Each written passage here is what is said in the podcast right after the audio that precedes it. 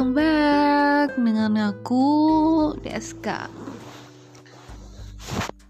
Um, masalah percintaan memang selalu jadi topik yang paling sering dibicarakan oleh kita sesama para kaum milenial mulai dari yang masih kecil yang sekarang udah pada pinter pacaran sampai yang udah rumah tangga di podcast aku yang pertama aku ngambil tema toxic relationship yang di mana uh, mungkin di podcast aku masih berantakan ya yang kemarin ada banyak masukan yang buat uh, aku lagi terpacu lagi istilahnya termotivasi buat bikin podcast yang lebih baik lagi ke depannya.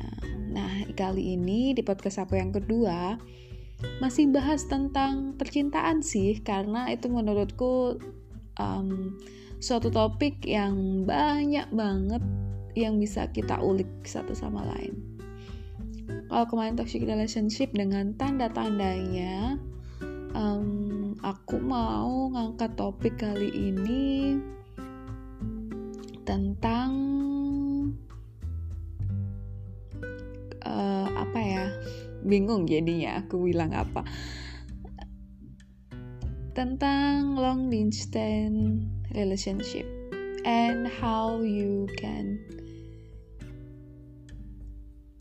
bertahan selama kamu LDR komitmen apa yang akhirnya kamu bisa untuk menjalani LDR oke okay. pertama kita pasti tahu lah ya namanya LDR itu susah-susah gampang buat dijalanin. Ada beberapa orang yang bisa untuk jalanin LDR. Ada juga yang nggak bisa dan memilih untuk berpisah sama pasangannya karena dia merasa nggak sanggup untuk LDR. But somehow, you never know if you didn't try it awalnya mungkin kamu ragu ya buat uh, ngejalanin LDR gimana nih? Aku bakal LDRan nih sama cowok aku. Nggak bakal sering ketemu bakal cuma video call doang cuma teleponan doang via chat doang. Bisa nggak ya aku kayak gitu? Yang apa apa biasanya sama dia ke mana-mana sama dia. Biasanya kalau aku lagi butuh atau aku lagi bad mood dia selalu ada dan selalu hadir tepat waktu. But now, I can see him anymore. Pertanyaannya ada dalam diri kamu. Ketika kalian memulai untuk um, menjalin hubungan suatu yang LDR, berat pasti.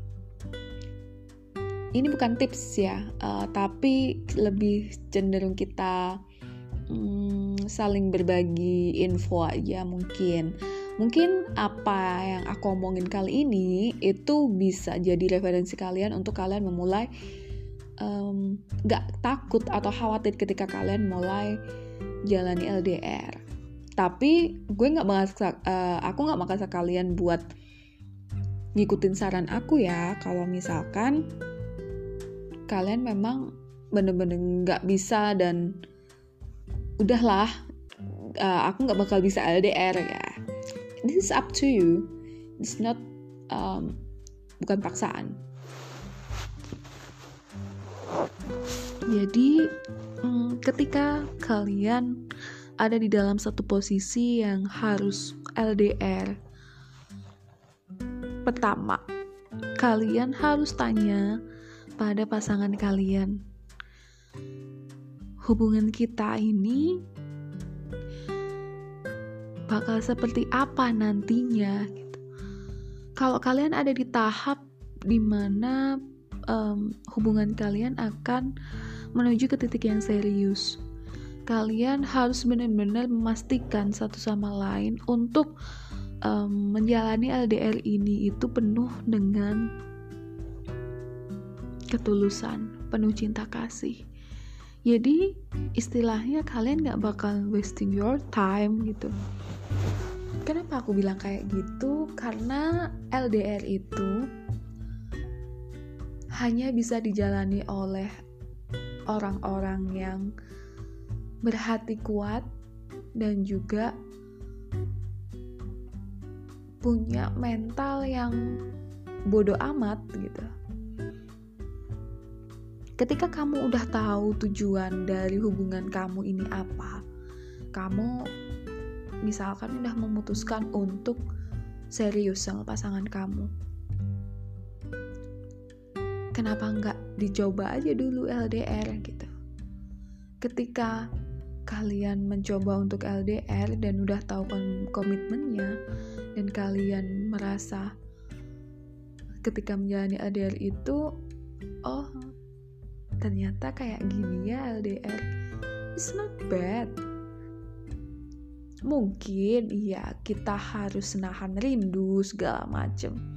Di awal semuanya itu bakal kerasa susah di awal. Ketika bulan-bulan berikutnya kalian bakal terbiasa percaya sama aku. Eh jangan percaya nih nanti musrik.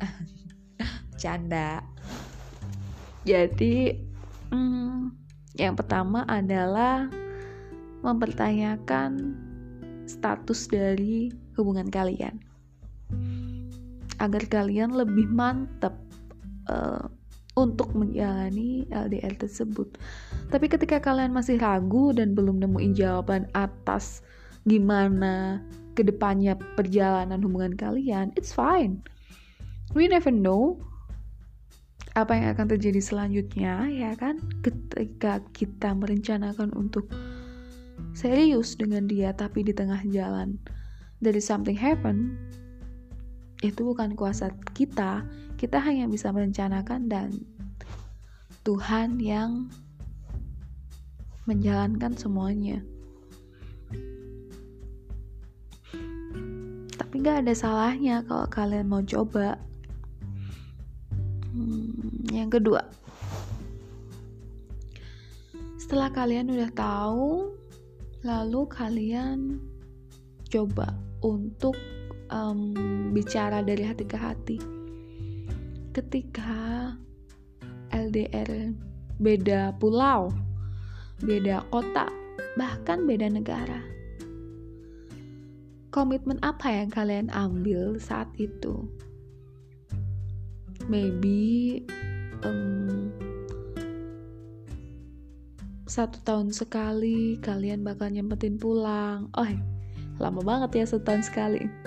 Mungkin berapa bulan sekali kalian bakal nyempetin buat uh, bertemu satu sama lain. Atau mungkin kalian punya komitmen untuk lebih gimana ya?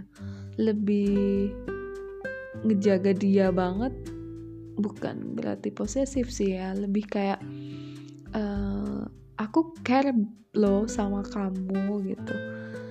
Lebih kayak menyediakan waktu lebih ketika kalian LDR daripada kalian sebelumnya. Karena ketika LDR itu waktu jadi salah satu kunci untuk semuanya ketika kita punya waktu entah kita mau ngobrol hal yang sepele pun itu jadi satu hal yang penting dan bahkan itu jadi satu hal yang bisa bikin hari kamu tuh baik dan buruk. Kalian bakal ngalami nanti kalau misalkan memang kalian lagi LDR atau akan LDR nah ketika kamu udah punya komitmen kalian harus harus berusaha nih buat nepatin satu sama lain. Contohnya misalkan aku mau komitmen buat hmm, dua hari sekali deh video call sama kamu. Jangan tiap hari nanti takutnya bosen. Oke dua hari sekali. Terus kalau kamu apa kalau aku mungkin komitmennya hmm, aku mau setiap hari teleponan sama kamu sampai tidur. Contoh ya ini contoh kecil banget. Nggak harus harus kayak gini sih komitmennya. Karena ya ini buat uh, yang sesimpel mungkin lah. Kadang siapa sih yang nggak kepengen teleponan sama pasangannya atau video call sama pasangannya. Ya at least dua hari sekali nggak harus setiap hari juga kan. Kalau tiap hari video callan juga pasti ah um, rasa rasa rindu kamu buat menghayati LDR tuh masih belum gitu. Kecuali memang kamu di dalam posisi yang benar-benar sibuk banget ya. Itu beda ceritanya oke ketiga setelah kamu dapat komit uh, kamu udah nentuin arah hubungan nih habis itu kamu udah nentuin komitmen ketiga percayakah kamu dengan pasanganmu ketika kalian LDR? Hmm, berat gak sih pertanyaannya? ah, ini tuh sebenarnya jadi kunci banget loh di antara yang kedua tadi. Hati gak bakal bisa bohong kalau kamu ini percaya atau enggak sama pasangan kamu. Misalkan nih, si cowok udah percaya banget nih sama kamu buat LDR. Tapi kamunya, ceweknya masih ragu-ragu buat ngelepas LDR, buat ngelepas cowoknya.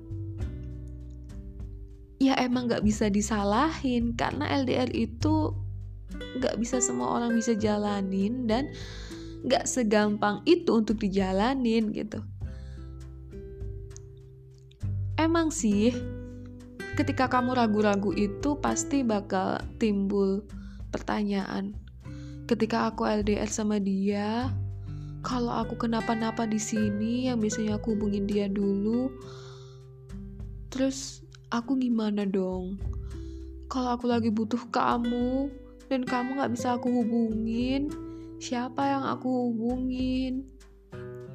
Yang biasanya aku ke mana-mana sama kamu, apa boleh aku sama temen aku yang mungkin itu laki-laki atau cewek? Ketika kamu mungkin di sana lagi ketemu orang baru dan kamu merasa nyaman uh, ngobrol sama dia dan segala macem, apakah aku boleh cemburu dengan itu? Dan begitu juga sebaliknya Apakah kita bisa buat mengalahkan rasa cemburu ini dan tidak berpikiran macam-macam?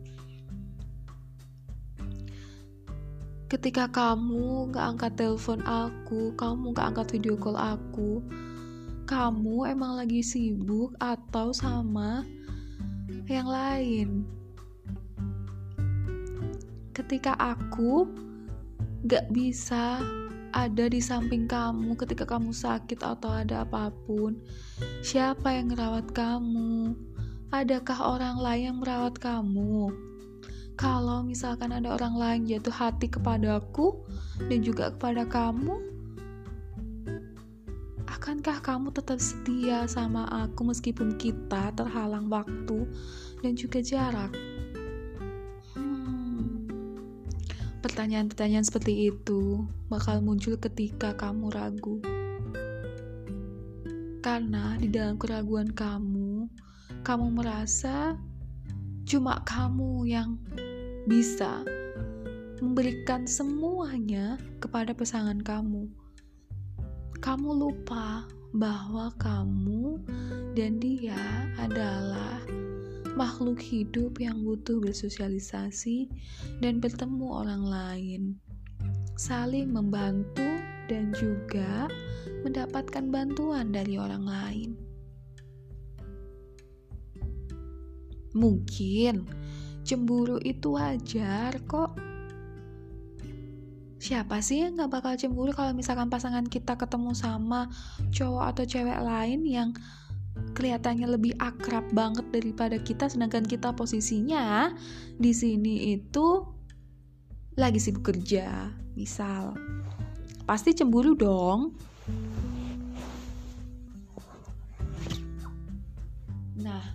untuk mengatasi kecemburuan itu, istilahnya, uh, untuk mengatasi pikiran ragu yang seperti itu, mungkin kamu perlu menata hati kamu terlebih dahulu.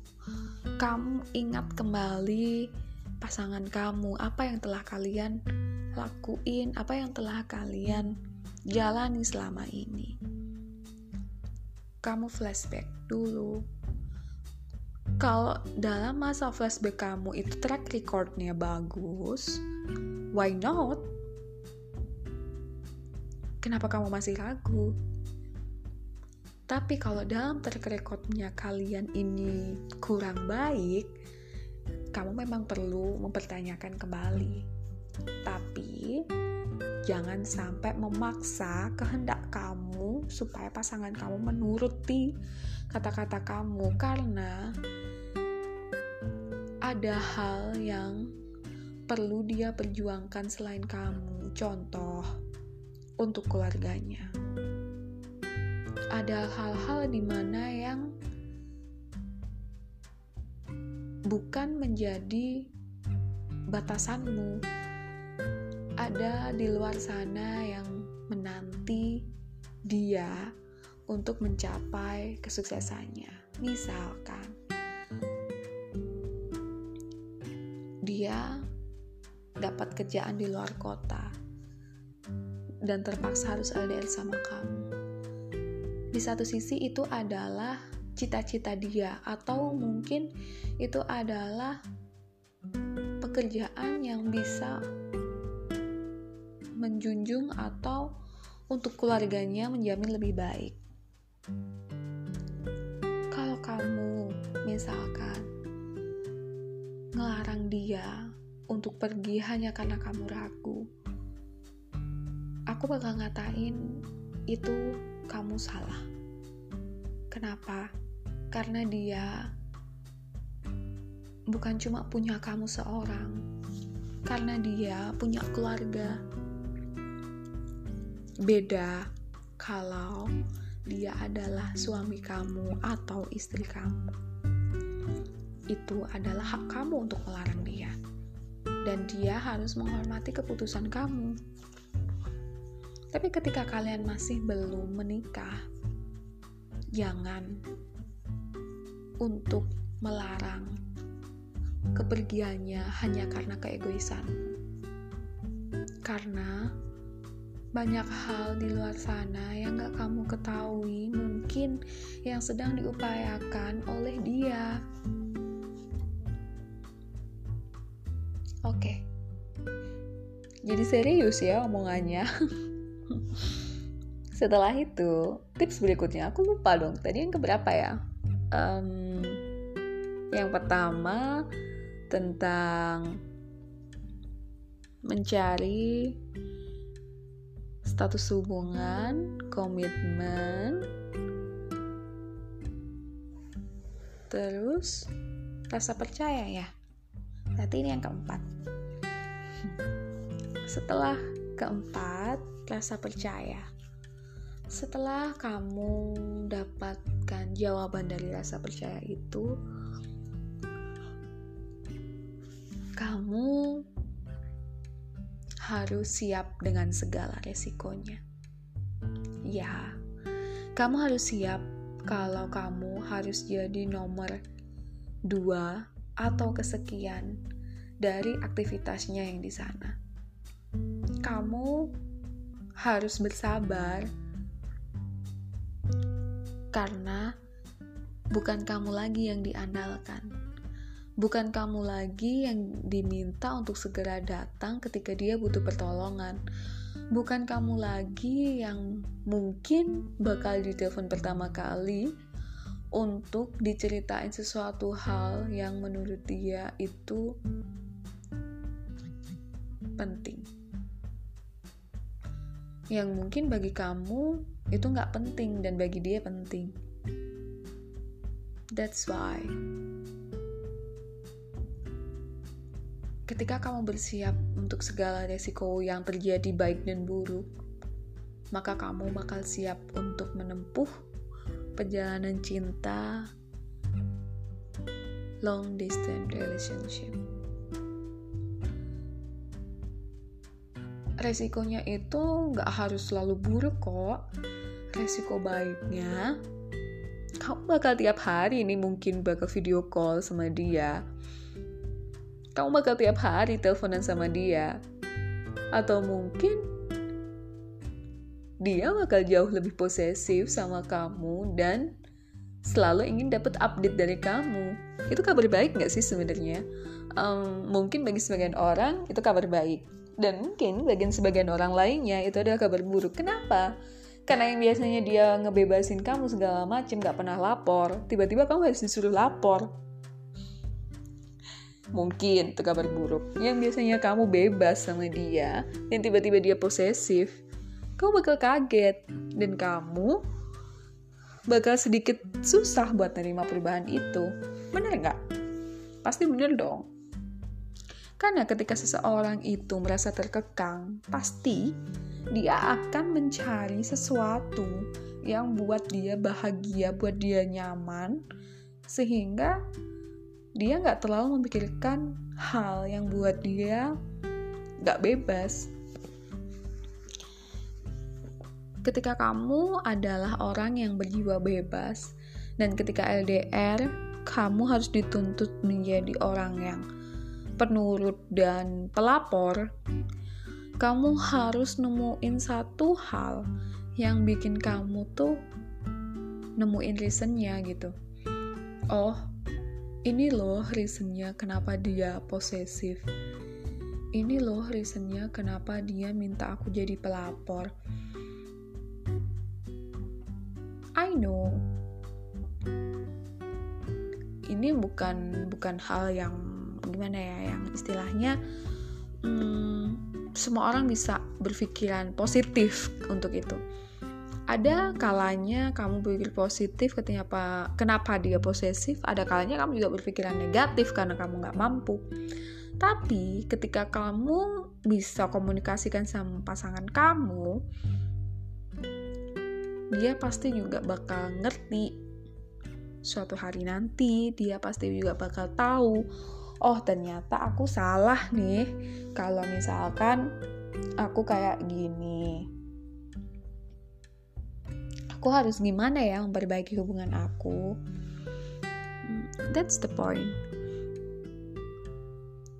I think it's not a big deal if if you can try to communicate two of you how you can meluapkan perasaan kamu ya. Karena hmm, LDR itu unik. Ada pasangan yang semakin dekat ketika LDR ada yang pasangan semakin menjauh. Ya tergantung sama tipenya masing-masing lah ya. Karena LDR itu gak semua orang bisa buat ngejalanin. Balik lagi ke pertanyaan aku tadi. Kamu bisa kamu sanggup dan kamu pasti baik-baik saja itu adalah tiga kalimat penutupku buat kalian yang akan LDR dan sedang LDR Selamat menjalani kehidupan long distance relationship. Jangan patah semangat ataupun kalian merasa berkecil hati karena kalian lagi LDR. Tuhan punya rencana baik kok buat kalian. Kenapa kalian harus disuruh LDR sekarang atau akan LDR maybe? Mungkin salah satu rencana Tuhan adalah agar kalian lebih menghargai dan memaknai arti kata pertemuan dan perpisahan.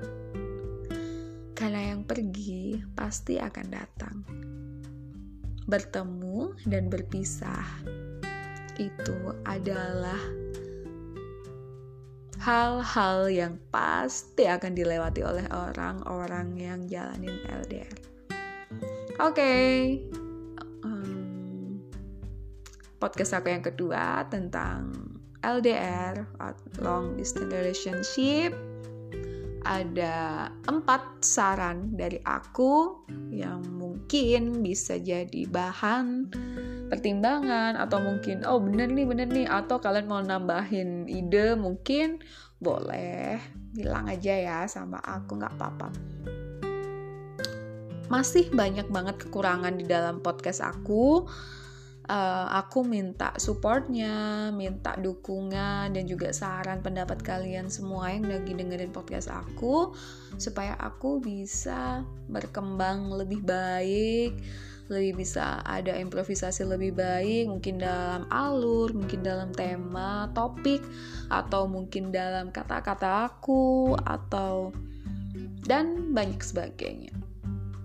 Aku rasa cukup sekian podcast aku yang kedua tentang long distance relationship di mana pun kalian berada tetap jaga kesehatan jangan lupa ketika kalian keluar dari rumah tetap mematuhi protokol kesehatan dan juga selalu bersyukur apa pun keadaan kalian saat ini karena percayalah Tuhan selalu menyertai kalian di mana pun kalian berada.